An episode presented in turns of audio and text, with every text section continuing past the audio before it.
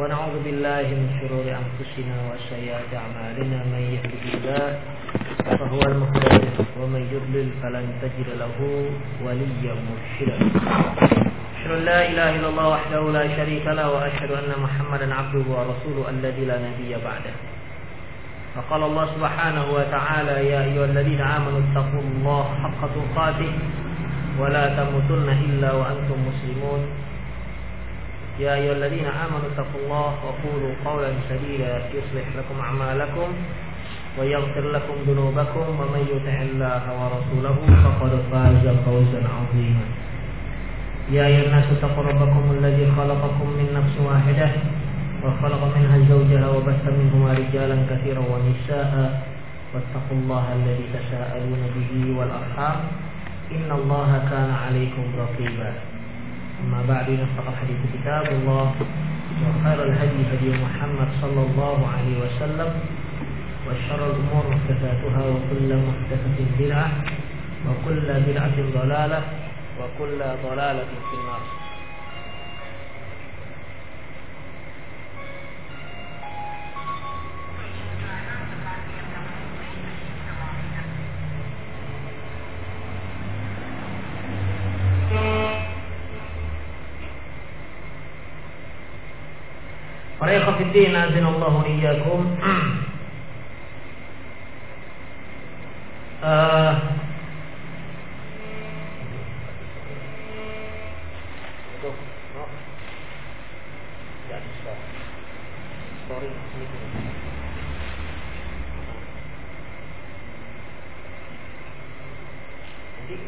Jelas story.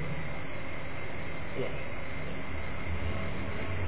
Enggak juga kena story. Iya. Lupa saya aja.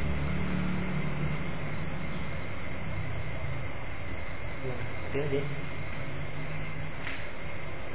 iya.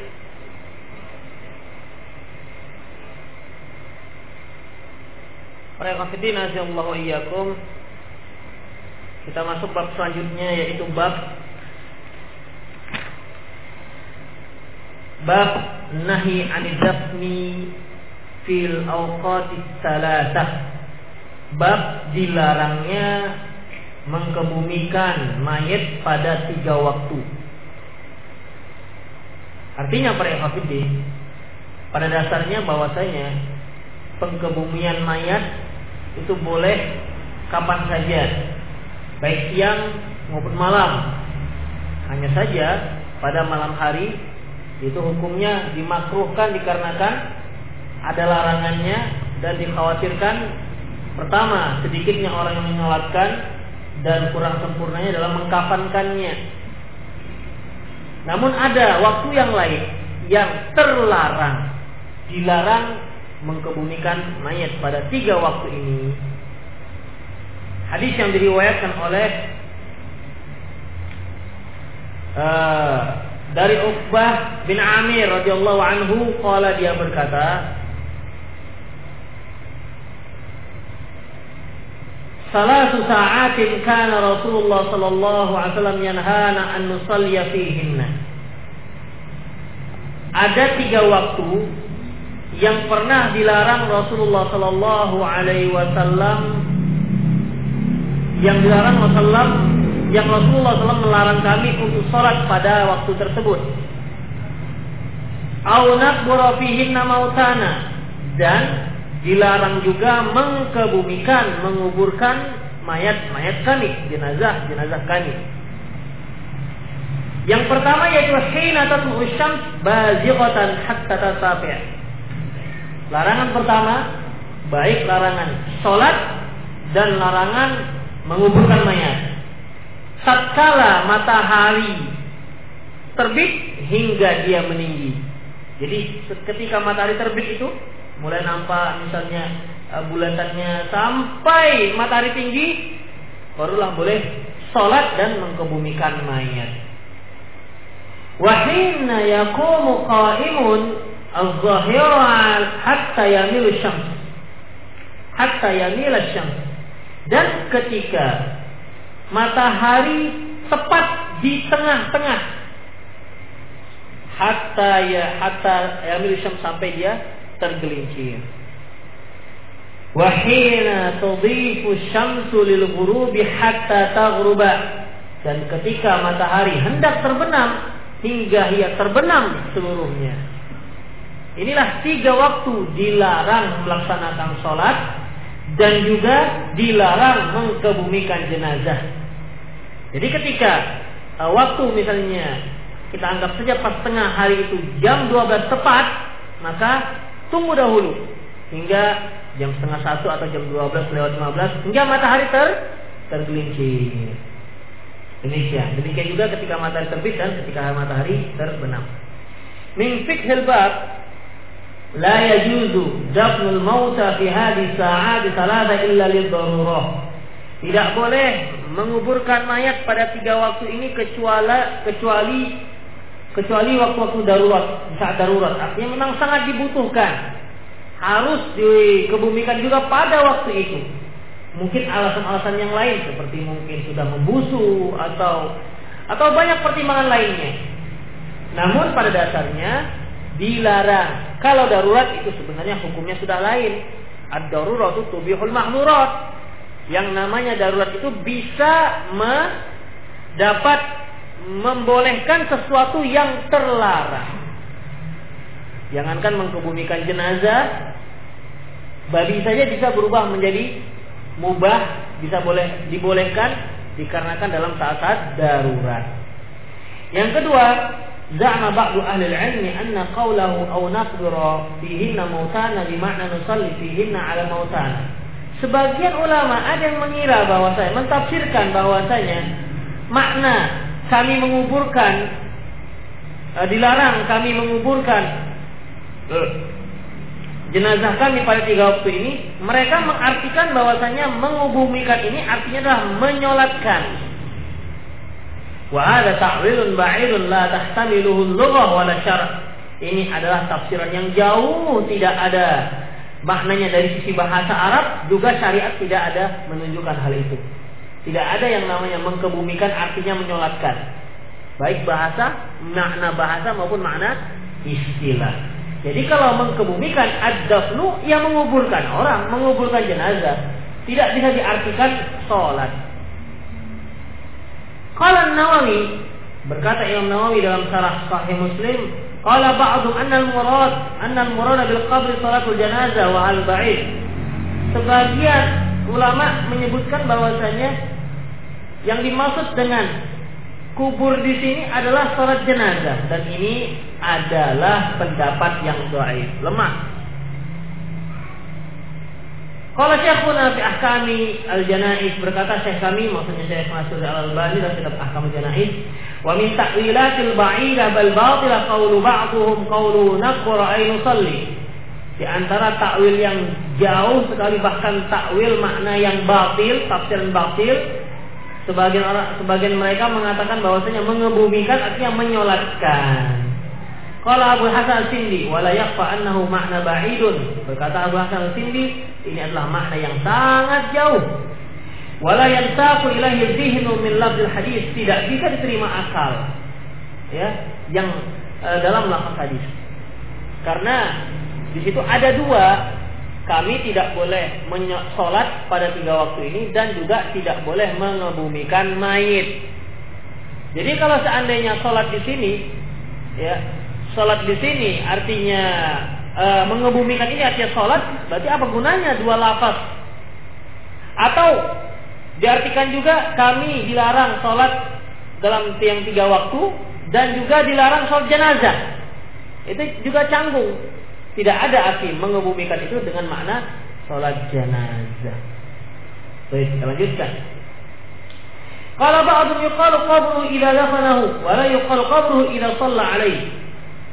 Dikatakan dia dikebumikan qabrahu dikebumikan artinya ia di, di dikebumikan artinya ya di di apa namanya di ditanam dapnu ditanam dikebumikan, mengebumikan jenazah, apalagi menanam jenazah, itu artinya tidak bisa kabarahu mengebumikan artinya menyolatkan. Wal aqrab an al hadis yamilu ila qaul Ahmad wa ghairi anna dafna makruhun fi hadhil awqat. Dan hadis lebih cenderung pada pendapat Imam Ahmad dan yang lainnya bahwasanya mengebumikan pada saat-saat seperti ini hukumnya pada tiga waktu ini hukumnya makruh hukumnya makruh Nomor tiga itu kalau sholat jenazah di hari awqat salata. Demikian juga sholat jenazah dimakruhkan, dibenci ya. Makruhnya dibenci, tidak disukai, dilakukan pada tiga waktu ini. Jadi ketika Rasul menyebutkan kami dilarang, eh, beliau melarang sholat yang pada tiga waktu ini itu sholat apa saja, ya, sholat apa saja. Termasuk juga sholat jenazah dan sholat tahiyat masjid. Tentunya ada khilafi ala ulama mengenai sholat tahiyat masjid. Oleh karena itu, ketika kita masuk masjid, di saat matahari terbit, terbit atau terbenam atau pas di tengah-tengah, tunggu saja sejenak daripada kita masuk dalam ruang lingkup khilafiyah. Tunggu sebentar, baru kemudian kita masuk dan sholat. Karena sebenarnya memang yang namanya uh, sholat tahiyat masjid itu tidak punya waktu, kaitannya kapan masuk. Jadi para ekofidin ada sebahagian ibadah itu kaitannya dengan waktu. Ada sebagian kaitannya dengan tanggal. Ada sebagian kaitannya dengan event-event tertentu. Ada kaitannya dengan aktivitas tertentu. Seperti sholat wudhu. Kaitannya dengan ketika wudhu. Habis wudhu nggak wudhu nggak ada sholat wudhu. Apalagi kait masjid kaitannya dengan ketika masuk masjid. Ada yang kaitannya dengan tanggal. Seperti apa? Seperti sholat, uh, seperti puasa Ashura, kaitannya dengan tanggal 10. Sholat Id, kaitannya dengan tanggal.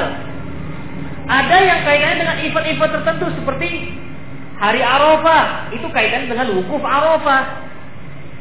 Ya, jadi disyariatkan uh, puasa pada hari Arafah, ya, adalah ketika orang-orang wukuf di Arafah.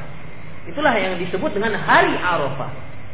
Bagi orang yang tidak haji disunahkan untuk puasa pada hari itu. Sekali lagi hari Arafah adalah hari orang-orang sedang wukuf di Arafah. Kalau dia tidak wukuf lagi, tidak ada hari Arafah namanya.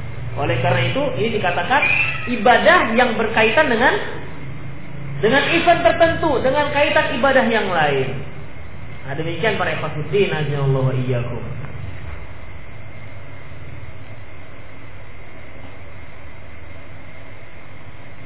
Kemudian kalau Khattabi di Ma'alim Sunan berkata Khattabi dalam kitabnya Ma'alim Sunan waqtalafa an-nas fi jawaz salati 'ala janazah wa dafni fi hadhihi sa'ati salata.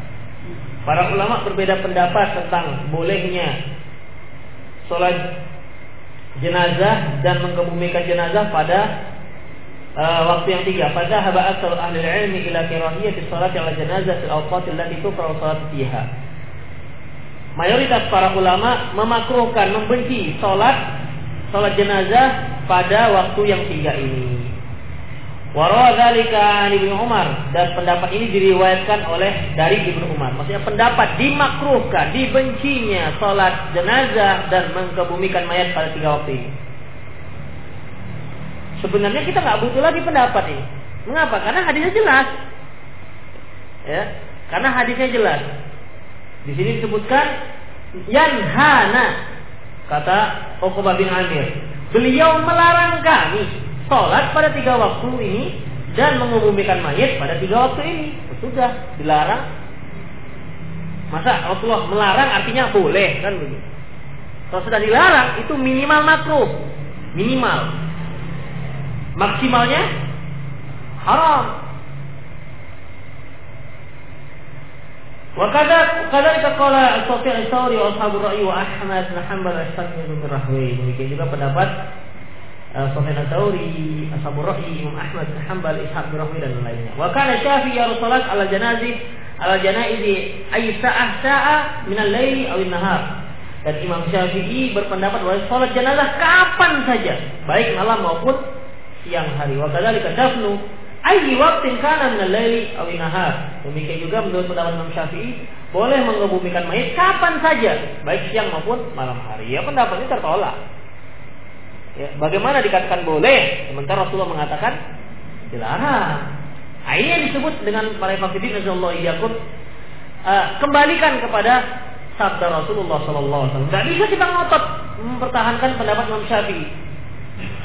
Lantas biasanya kalau seperti ini yang taasub dengan uh, madhab Syafi'i yang pura-pura taasub sebenarnya, yang cocok dengan dia saja sebenarnya taasubnya, akan mengatakan nggak mungkin Imam Syafi'i nggak tahu hadis ini.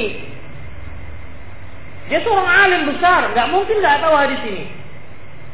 Ini mungkin hadisnya doaif ini, ah, begitu. Banyak yang mentakwil seperti itu. Padahal hadisnya sahih para ikhwatiddin. Kultu qaul jamaah aula li muwafaqatil hadis. Aku katakan bahwasanya pendapat jamaah mayoritas ulama tentunya itu lebih dikedepankan ketimbang uh, di, uh, lebih dikedepankan dikarenakan sesuai dengan hadis.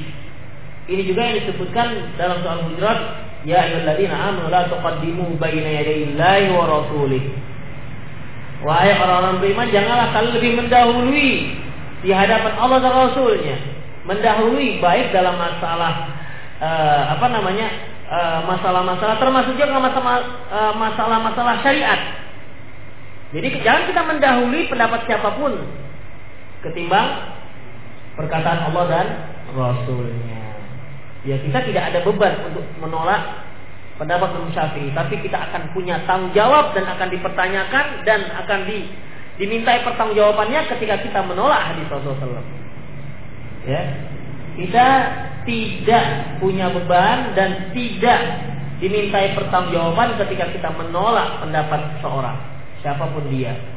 Tapi kita akan dimintai pertanggungjawabannya ketika kita menolak sabda Rasulullah sallallahu alaihi wasallam. Wa minhu ta'lam wa wa minhu wa minhu ta'lam wahman Nawawi rahimahullah fi sahih fi syarh sahih Muslim haitsu za'ama anna salat janazah la tukrah fi hadhihi al-awqat bi ijma'. Dari sini jelaslah kekeliruan Imam An-Nawawi. Jadi imam, imam siapa yang tidak kenal dengan Imam Nawawi? Ya. Siapa yang tidak kenal dengan Imam Nawawi? Syafi'i kecil, setelah Imam Syafi'i, Imam Nawawi lah yang bermadhab, yang terkenal di kalangan madhab Syafi'i. Namun yang namanya manusia ya salah ya salah. Tidak bisa dilegitimasi kesalahannya. Tidak bisa dikalahkan hadis dengan dengan pendapatnya.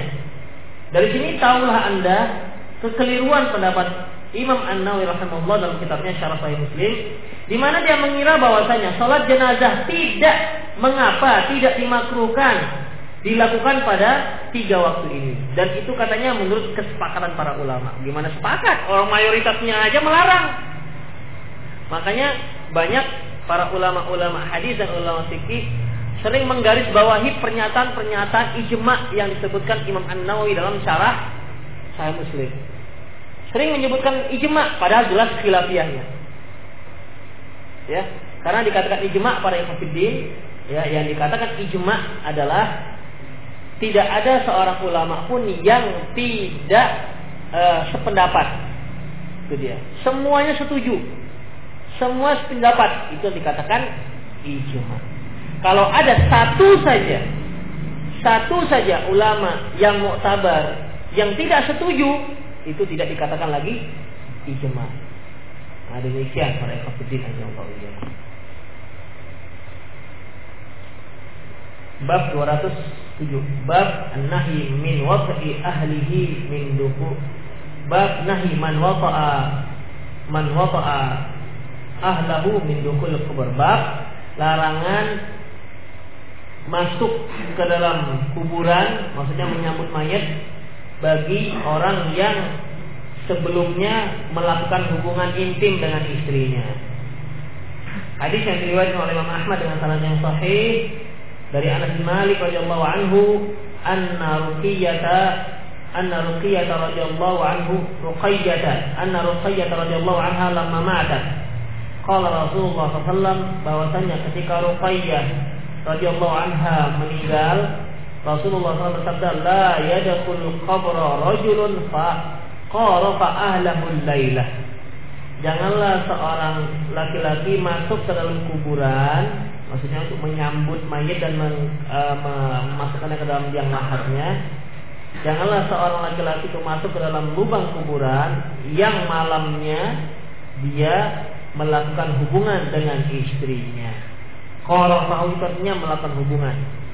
Yang malam harinya melakukan hubungan intim dengan istrinya. Faman lam yadkhul falam yadkhul Utsman bin Affan radhiyallahu anhu al-qabr. Oleh karena itu, Utsman bin Affan tidak masuk ke dalam lubang kuburan. Padahal Ruqayyah ini siapa? Hah? Siapa? Istri Utsman bin Affan. Padahal Ruqayyah adalah istri Utsman bin Affan. Namun beliau tidak masuk ke dalam kuburan, dalam lubang kuburan. Karena malamnya beliau melakukan hubungan dengan siapa? Tadi istri meninggal. Itu tanda istrinya nggak satu. Nah, itu tanda istrinya nggak satu. Jangan bingung. Dia meninggal. Hubungan dengan siapa? Istrinya nggak satu.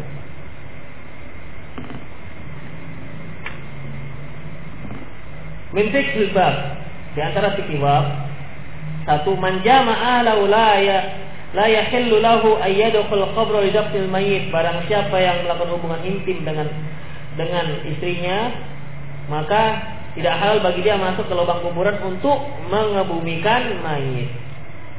Kalau dia hubungan intim dengan orang lain ya nggak bukan, bukan istrinya. Lebih parah lagi ya. Di sini disebutkan janganlah seorang itu masuk ke dalam lubang kuburan yang pada malam harinya dia meng, dia mendatangi istrinya. Kalau kalau pagi-pagi, nah, kalau pagi-pagi tadi disebutkan di sini malam, meninggalnya sore. Sementara operasinya pada pagi hari, operasi penombalanya. Gimana?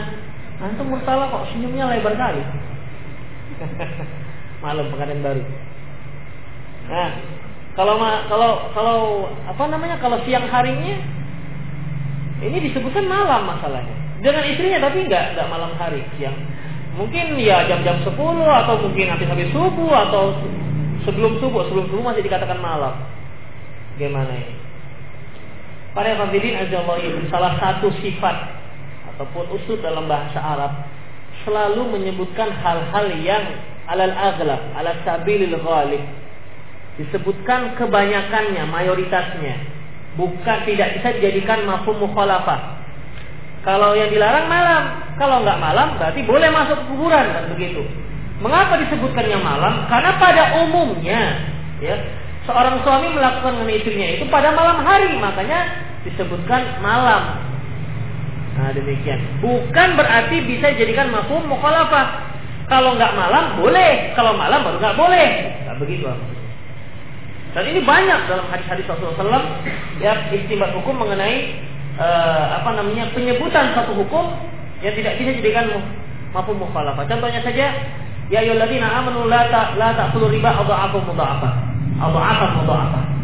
Wahai orang-orang beriman, janganlah kalian makan riba berlipat ganda Berlipat ganda ini tidak bisa jadikan mafhum mukhalafah. Artinya kalau nggak berlipat ganda boleh karena larangannya jangan makan riba yang berlipat ganda.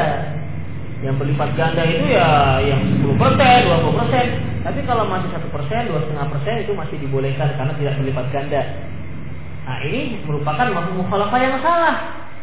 Allah Subhanahu wa taala menyebutkan berlipat ganda ini dikarenakan ala sabilil ghalib karena pada umumnya berlaku waktu itu, ya riba yang berlaku, riba diambil dari orang yang berhutang itu dengan berlipat ganda. Demikian.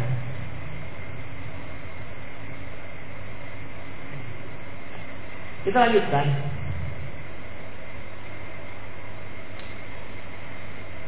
Qala Hafiz fil Fathul Bari berkata Hafiz bin Hajar dalam kitab Fathul Bari wa fi hadzal hadis itharul ba'ir al-ahd anil munadzati fi mawaridil mayyit walau kana imra'atun 'al ab wa zawjah. Hadis ini menunjukkan bahwasanya uh, apa namanya al-insan ba'id al-ahad al-munadzati fi mawaridil mayyit. Hendaklah seorang menjauhkan melakukan hal-hal ataupun yang melakukan hubungan intim ya ketika dia akan mengebumikan mayit.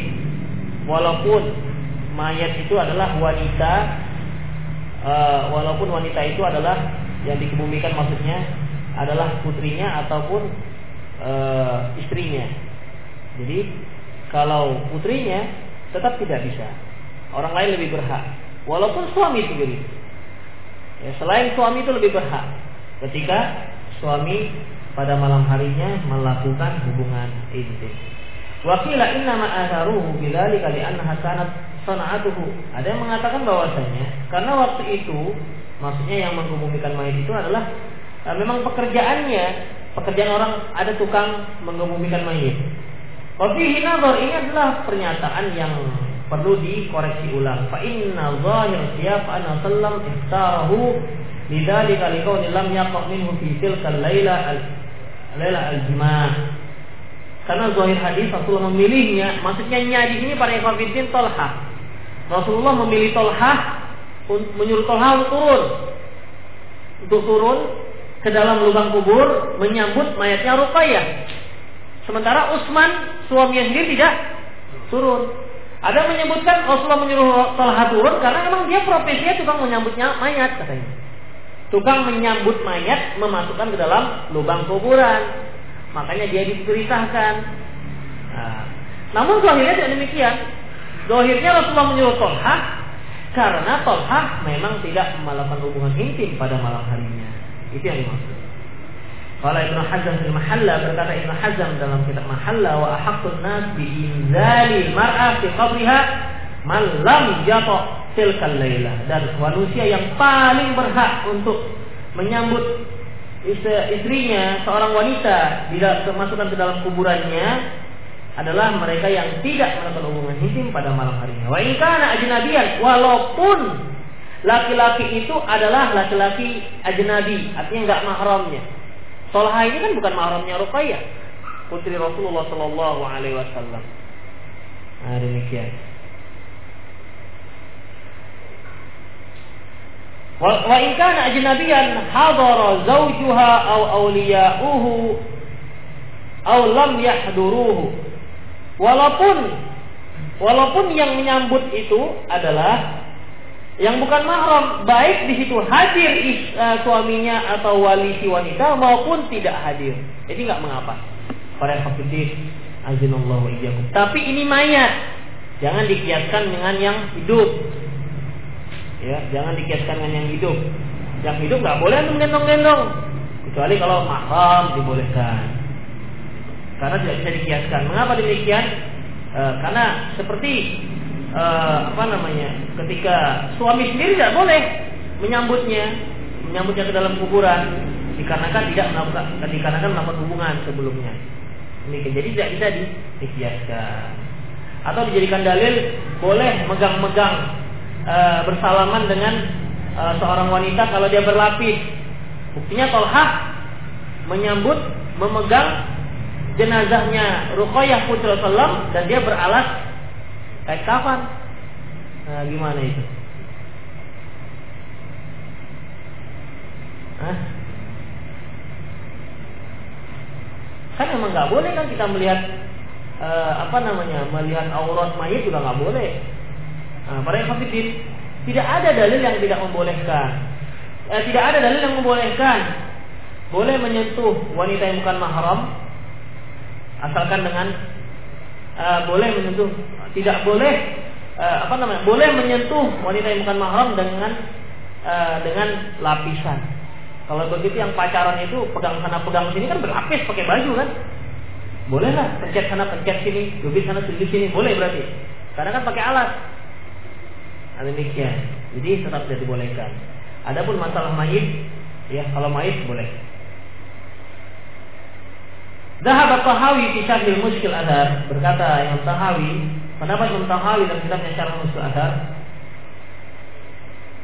ila anna al-muqarafa takunu min al-muqalatil madhumah bahwa muqarafah yang dimaksud di sini kan ada Rasulullah menyebutkan barang siapa yang korofa, barang siapa yang korofa, bahasa Arab ya, barang siapa yang korofa uh, istrinya, barang siapa yang korofa keluarganya pada malam hari maka jangan dia menyambut mayat ke dalam kuburan. Korofa ini maksud adalah di sini katanya kata Imam Tahawi ucapan-ucapan yang tercela.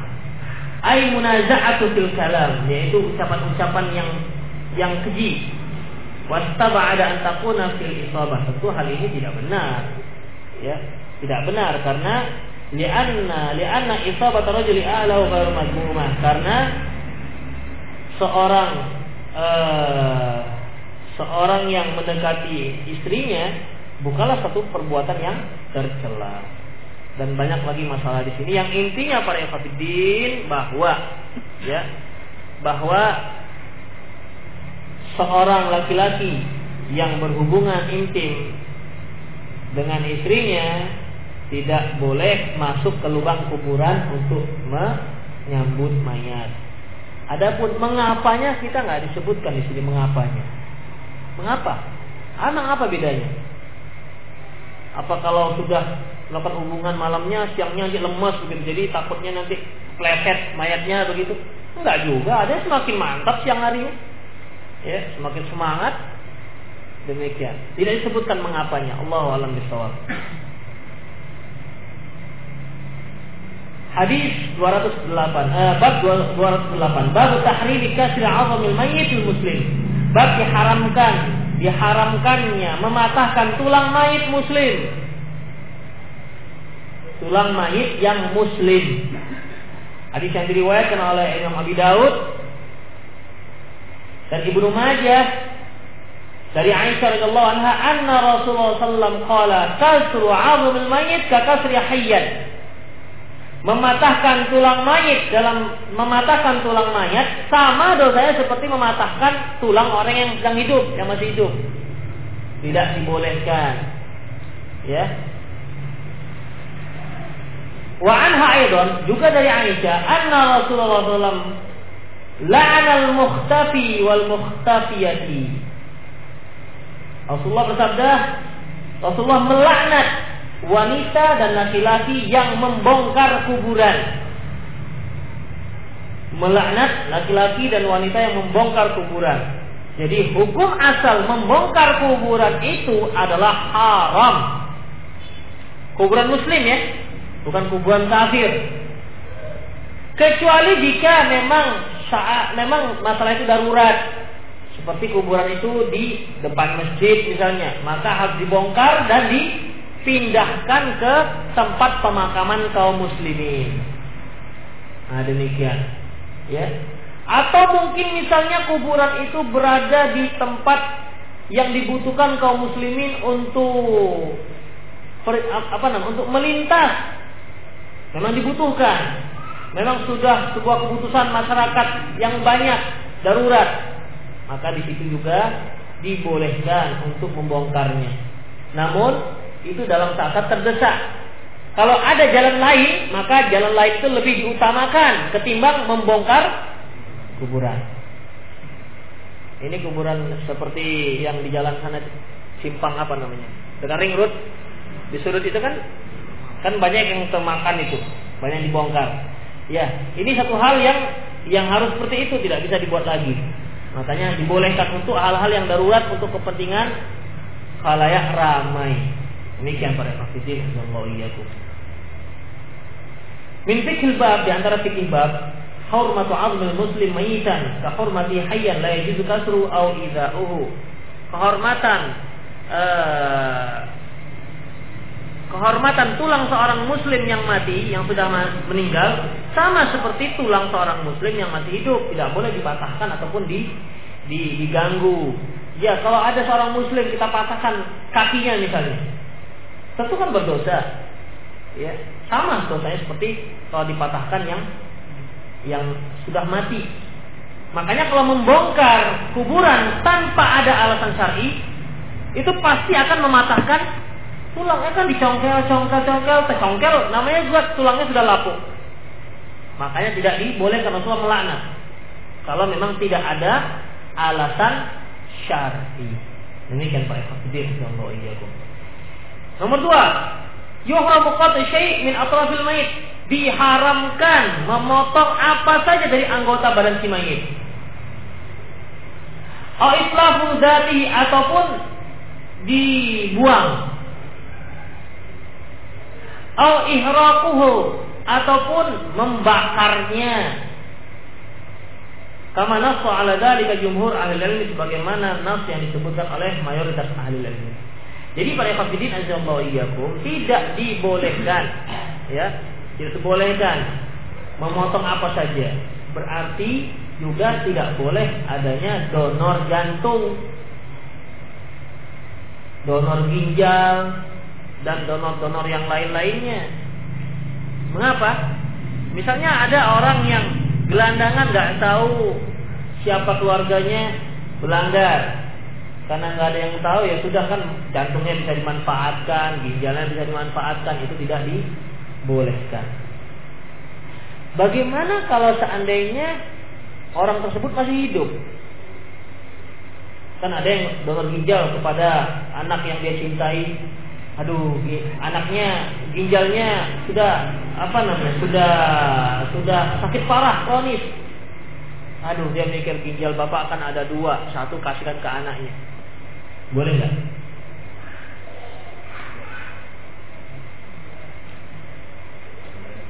Hmm? Iya dia dia suka rela. Anaknya mau dipaksa ya nggak boleh. Itu jelas dipaksa kasihkan ginjalmu ayo yuk nggak bisa begitu Kasihkan kakimu satu. Gitu. Nah, boleh. Untuk anaknya sedekah, sumbangsi hadiah, hadiah ginjal.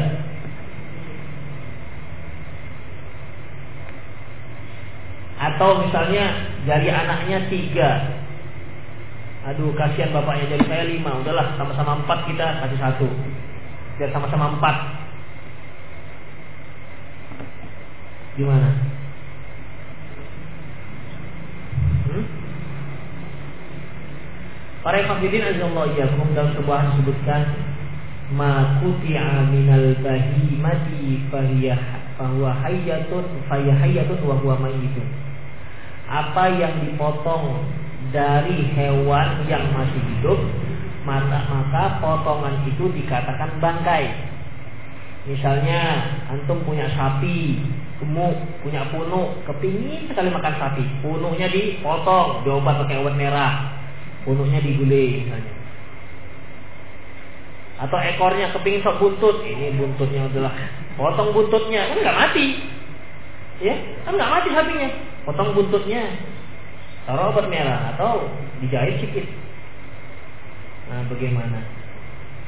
Maka semua itu kata Rasulullah, "Maquti aminal mati makut yang minal bahimati fahiya hayatun fahuwa mayitun. Apa yang dipotong dari hewan yang masih hidup, maka potongan itu adalah bangkai. Ya, maka potongan itu adalah bangkai. Demikian juga kalau antum masih hidup, dipotonglah ginjal, maka statusnya itu bangkai. Bangkai itu najis oleh karena itu tidak bisa najis dimasukkan ke dalam badan kita. Nah demikian para fakidin azimallahu iyyakum. Ya, itu dia. Sekarang itu ada yang apa namanya? Uh, obat pelancar air air susu ibu ASI dengan ekstrak plasenta ekstrak plasenta. Bagaimana? Jadi plasenta atau plasenta itu uri uri uri atau janin ya urinya itu uri yang mentransfer makanan-makanan ke ke janin nah, itulah yang diambil diekstrak kemudian dijadikan obat dan memang terbukti bisa memperbanyak air susu ibu nah, untuk seperti ini para hafidin, apabila memang plasenta itu berasal dari hewan yang halal dan disembelih mati semua, maka boleh diambil. Tapi kalau hewan lembu misalnya melahirkan keluar plasentanya urinya, urinya kan urinya kan lebih itu, anaknya hidup, maka urinya itu bangkai. Nah, demikian. Ya, seperti ada uh, seorang ibu melahirkan kan ada urinya. Jangan untuk ekstrak itu di digoreng kemudian ya jadikan ekstrak untuk menambah air susu. Memang terbukti bahwasanya di dalam uri itu terdapat berbagai macam protein dan apa protein dan uh, uh, apa namanya zat-zat yang memang dibutuhkan bayi untuk dibutuhkan seorang ibu untuk memperlancar air susu.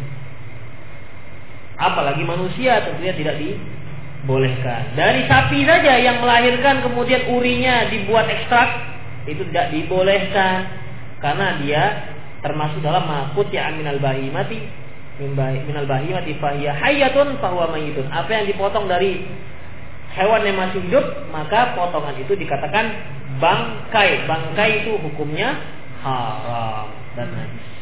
Demikian. Kemudian para hafidin azallahu iyyakum. Yuhramun nabisul kubur al-muslimin diharamkan membongkar kuburan orang Islam. Lianna dzalika ya'ridu ya'ridu 'idhamul maut eh, idhamul mauta lil kasri karena hal itu bisa menyebabkan di patahnya terpatahnya tulang e, mayit yang ada di dalam.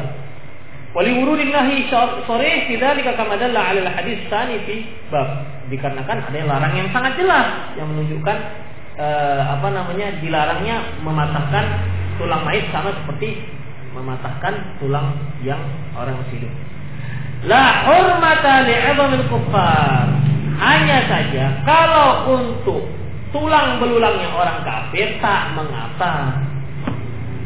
Karena Rasulullah SAW menyebutkan Ah, kasri azamil mayit ke kasri hayat mematahkan uh, mematahkan tulang mayit yang muslim itu seperti uh, mematahkan tulang mayit sama seperti mematahkan tulangnya ketika hidup. Di sini tidak disebutkan muslim dan kafir. Mayat, berarti mayat mana saja, baik muslim maupun kafir hukumnya haram. Tapi mengapa disimpulkan bahwasanya yang diharamkan hanya muslim saja, sementara kafir tidak? Nah, ada dalil yang lain yang mengecualikan orang kafir, yaitu uh, kisah ketika dibangunnya Masjid Nabawi. Area tempat pembangunan Masjid Nabawi itu adalah bekas kuburan orang-orang kafir Quraisy, orang-orang kafir Madinah. Dan Rasulullah menyuruhnya bongkar dan kemudian barulah dibangun masjid di atasnya. Demikian. Menandakan bahwasanya untuk membongkar kuburan orang kafir tak mengapa. Yang dibolehkan adalah orang-orang muslim. Kalau di hadis Anas enda Syekhain sudah sebagaimana yang tercantum dalam hadis Anas yang diriwayatkan oleh Imam Bukhari Muslim anna Rasulullah indama banal masjid nabasha kubur musyrikin Ketika Nabi SAW membangun masjid, beliau menyuruh bongkar kuburan orang-orang musyrik. Berarti dibolehkan. Kemudian bab selanjutnya bab tahrim ittikhadul abniyah al kuburi wa tajsisiha. Bab diharamkannya membangun di atas kuburan dan me mencatnya.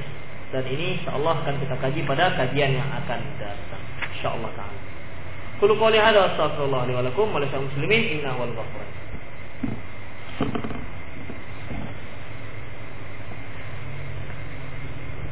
Silakan ada pertanyaan?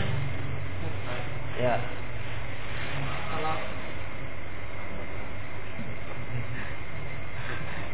Jadi kalau mayat Mana ini? Jadi kalau mayatnya itu misalnya kaku deh, macam Mbah Marejan lah. Ah. Itu kan kaku terus nah lagi sujud tuh tiba-tiba waktu dikebumikan udah lurus itu. Kan mungkin dipatah-patahkan gitu iya ya.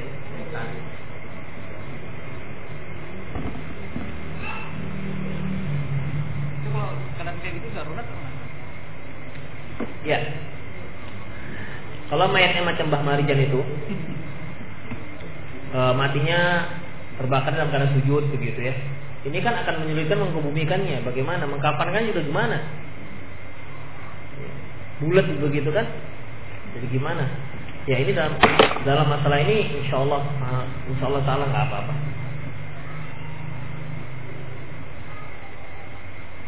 Tapi Allah alam Allah alam kenapa? Nantilah kita kita tanyakan.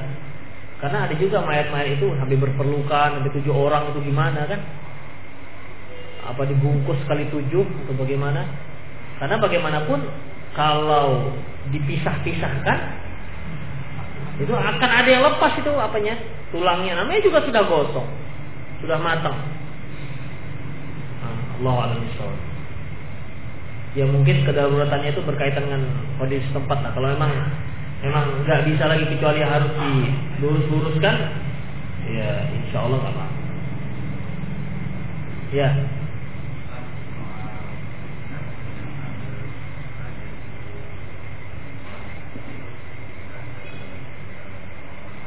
ya siapa yang memaksa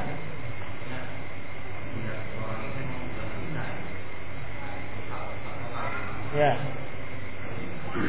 harus ditukar, harus dibuang.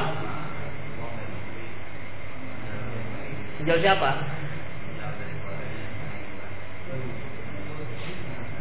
Enggak boleh menyelamatkan seseorang dengan memudaratkan orang lain.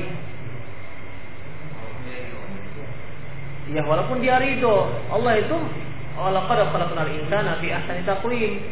Kami telah ciptakan manusia itu dengan sebaik-baik bentuk sebaik bentuk itu semua organnya sudah baik. Jangan dikira ginjal dua itu lebih satu spare part cadangan. Itu bukan cadangan. Ya, bukan cadangan. Mana ada orang yang hidup normal dengan ginjal satu? Jangankan ginjal satu, jari kita aja untung satu, itu nggak normal lagi udah. Cara megang juga nggak normal ya kan? Apalagi ginjal. Ada demikian. Kalau darah, darah kan apa namanya tidak tidak termasuk masalah-masalah yang kuti kuti artinya organ, tidak termasuk organ.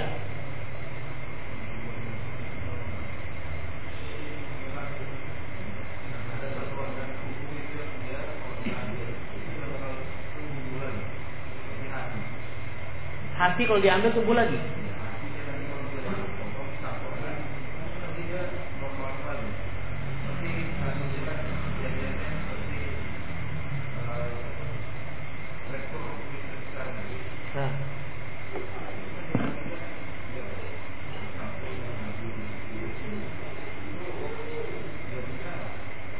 separuh hatinya. Bisa hati berfungsi separuh.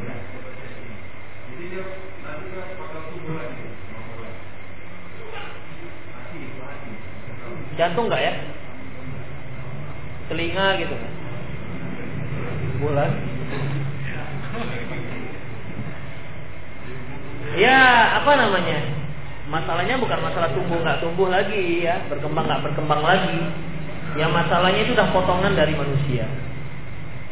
Potongan dari manusia. Kalau sudah seperti itu ya sudahlah, minta ya obat saja semampunya, minta pertolongan pada Allah Subhanahu wa taala. Nah?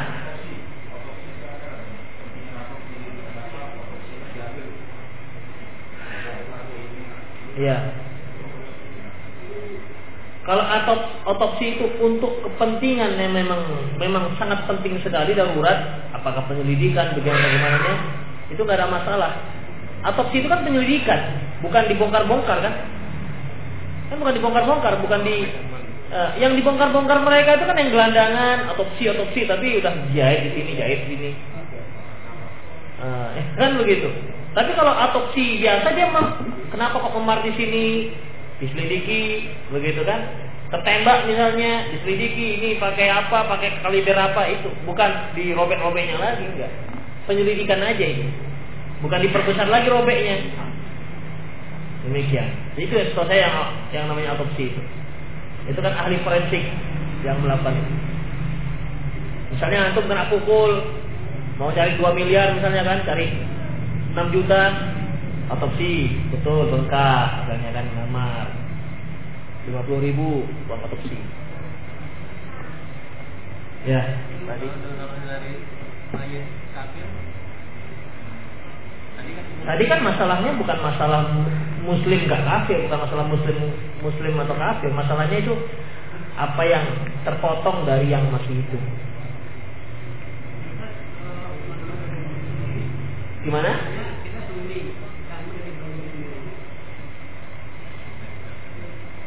Kita sumbing daging sendiri ya. Iya iya. Allah alam ya. Dari kita dimasukkan ke kita juga ya.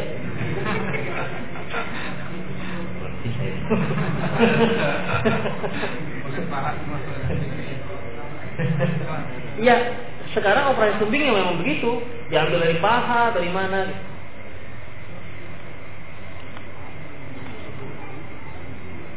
Ustaz tadi katakan jika seorang laki-laki berhubungan badan dengan istrinya maka seorang laki-laki tersebut tidak boleh menyambut mayat perempuan.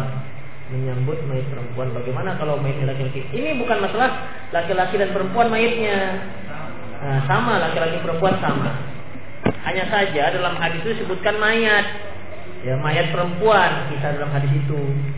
Nah, dan masalahnya itu adalah Ruqayyah putri Rasulullah dan suaminya ada di situ Utsman bin Affan, tapi Rasulullah malah menyuruh Tolhah. Nah demikian. Ya. Kalau laki-laki eh, yang disambutnya laki-laki ya nggak ada masalah. Sedang yang perempuan saja dibolehkan dia sambut, apalagi yang laki-laki. Ya, apalagi yang laki-laki. Masalahnya adalah ketidakbolehannya berkaitan dengan hubungan dan tidak hubungannya, bukan berkaitan dengan jenis kelamin si mayat. Demikian. Ustaz apa saja yang harus dilakukan oleh seorang yang berkurban? Wah, jangan terlambat atau pertanyaan ini. Ini selasa yang lalu. Bagi orang yang berkurban, dari mulai satu Hijjah, dia nggak boleh motong rambutnya, motong kumisnya, motong kukunya dari mulai satu Hijjah. Idza ra'aitum hilal Hijjah wa arada ahadukum ayudahi fala ya'khudanna min sya'rihi wa asfarihi syai'an. Apabila salah seorang kalian melihat hilal Dzulhijjah dan dia ingin berkurban, maka janganlah dia memotong rambutnya dan kukunya sedikit pun. Hatta yudahi hingga dia hingga dia berkurban. Lihat kue kumis antum rapi-rapi ini berarti bunting. Hmm, udah udah sesak. Demikian, ya. Dan dalam Sahih Fikih Sunnah disebutkan yang dimaksud dengan rambut itu apa? Yang dimaksud dengan rambut, kata beliau, bukan hanya rambut yang tumbuh di kepala, tapi semua yang berbentuk rambut. Semua yang berbentuk rambut, rambut kepala, alis, bulu mata, kumis, apalagi jenggot, kemudian bulu kaki, bulu tangan, ketiak, bulu kemaluan, semua termasuk. Nah, demikian juga uh, kuku. Ya kuku apa saja, kuku jempol, kuku tunjuk semua, kuku kaki, tangan, pokoknya yang berbentuk. Nah, nah. Muncul pertanyaan, bagaimana kalau cabut gigi? Bisakah gigi dikiaskan dengan uh, kuku?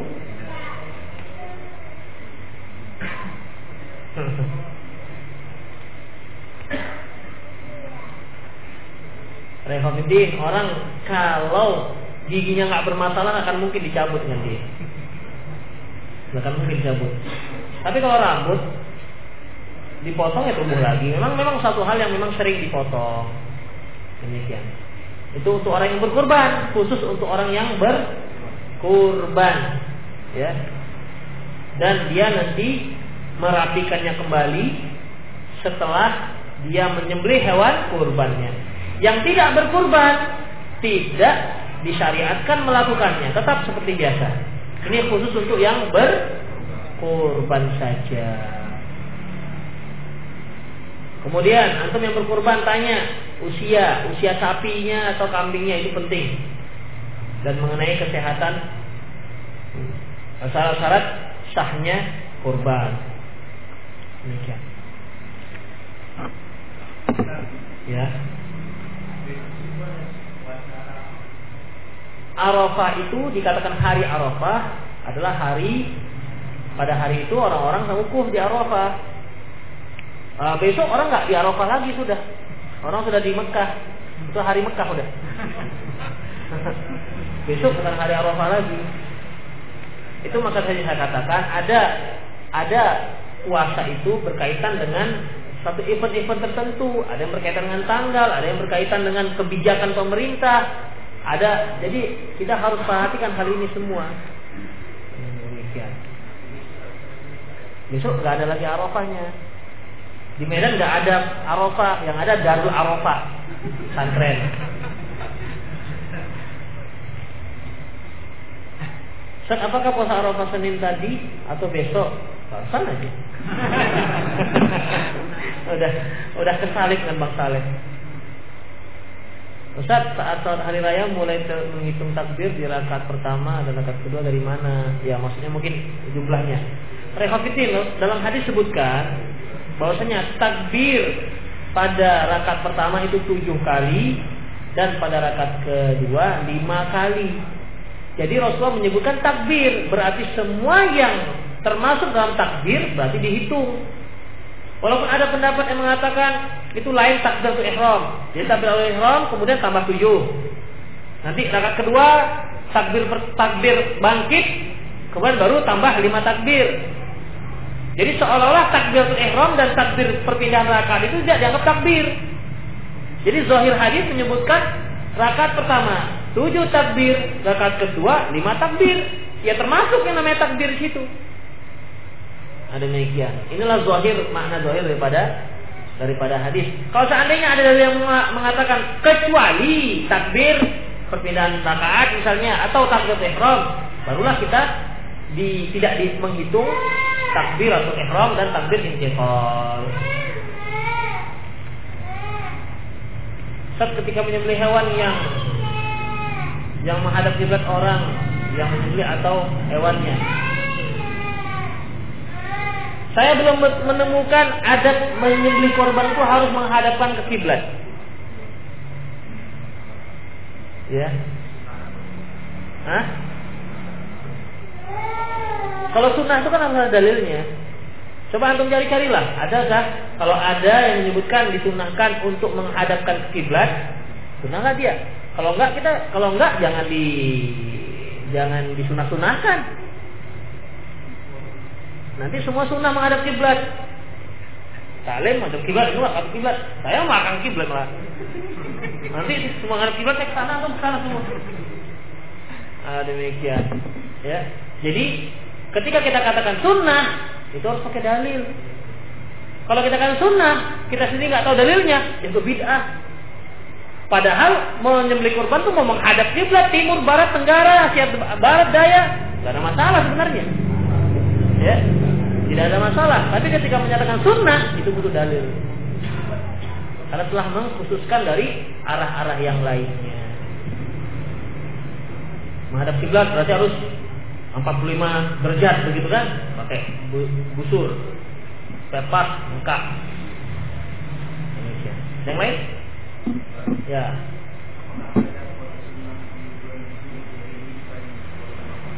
Ada.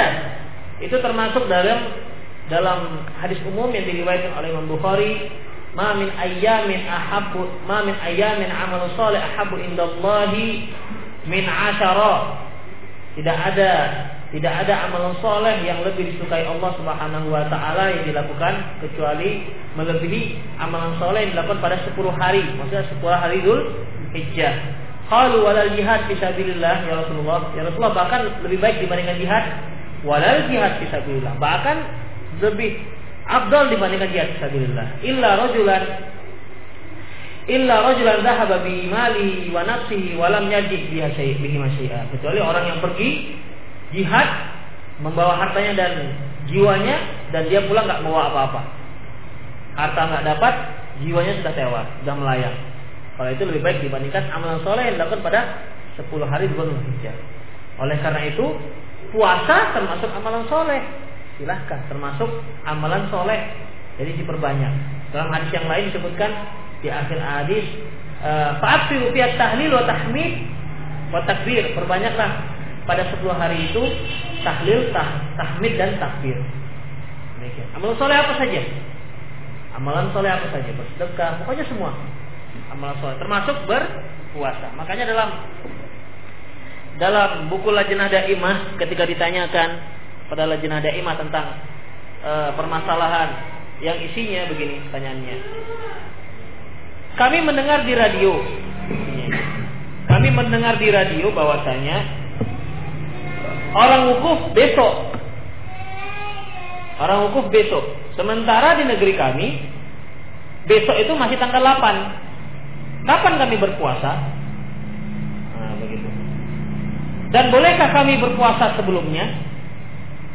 Maksudnya hari ini dan besok. Bolehkah kami berpuasa sebelumnya? Jadi dua hari. Jawabannya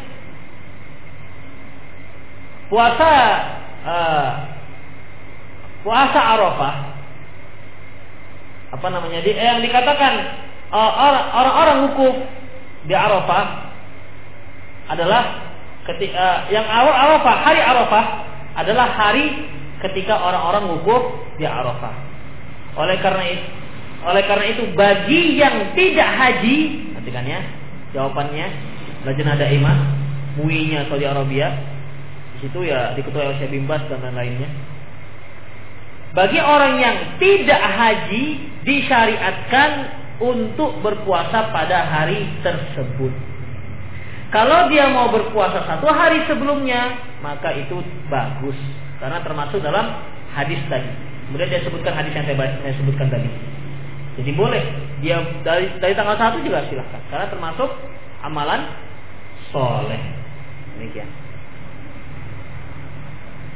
Ya, mana? Tadi, tadi ya. Gimana? Iya, apakah sholat id itu dua da, uh, sholat id atau sholat idain, aidain apakah dua khutbah atau tidak? Iya. Sholat idain, dua hari itu dua khutbah, tapi bukan dua khutbah seperti Jumat. Dalam sebuah hadis dalam hadis yang diriwayatkan oleh Imam Bukhari di mana uh, Rasulullah Shallallahu Alaihi Wasallam memberikan khutbahnya kepada kaum muslimin. Tumma nazala kemudian beliau turun turun di sini maksudnya dari tempatnya tinggi bukan dari mimbar ya. Tumma nazala fa'atan nisa fadzakarahunna fadzakarahunna. Kemudian beliau mendatangi kaum wanita dan memberikan wejangan pada kaum wanita. Jadi dua kali satu untuk laki-laki secara umum, jemaah secara umum, yang satu lagi untuk kaum wanita. Jadi dua khutbah. Hah? Asal Jumat kan khutbah pertama duduk, naik lagi. Allahu a'lam bishawab.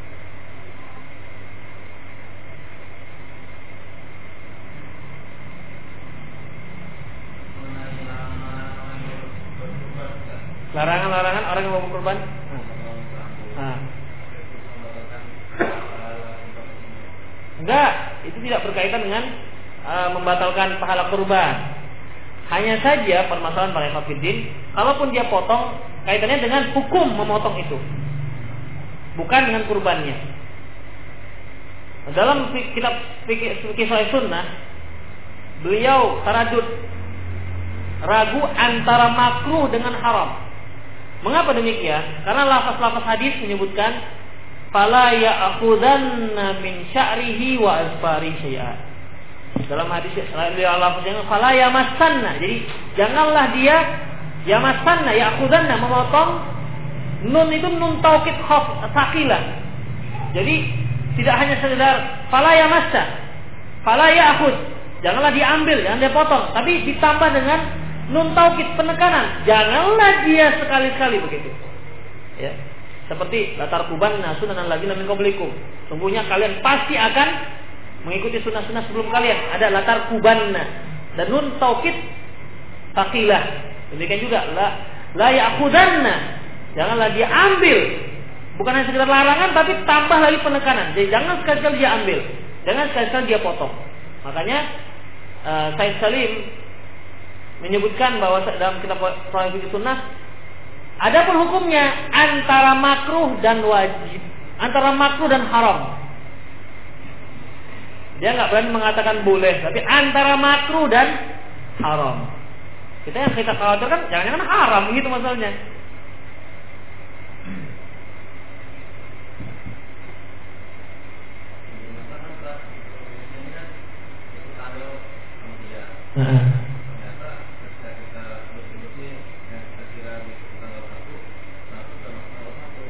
Eh, kalau nggak tahu nggak apa-apa. Yang sudah tahu itu jangan dilantak aja. yang nggak tahu nggak apa-apa. Yang udah tahu jangan dilantak aja. Kalau dilanggar ada kafarah. Hah? Nggak ada kafarah. Itu pahalanya untuk lebih menyempurnakan apa namanya pahala kurban.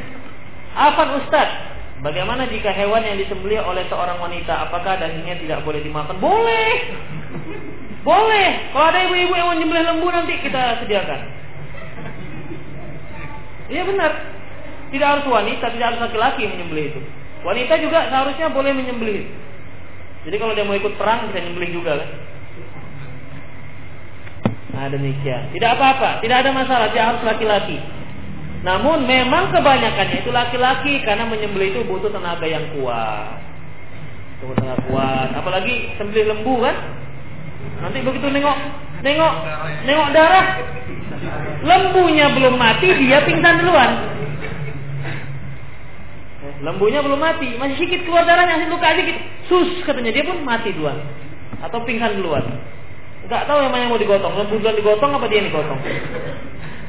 Makanya kaum wanita itu ya pada dasarnya boleh, namun bagi yang kuat, bagi yang kuat.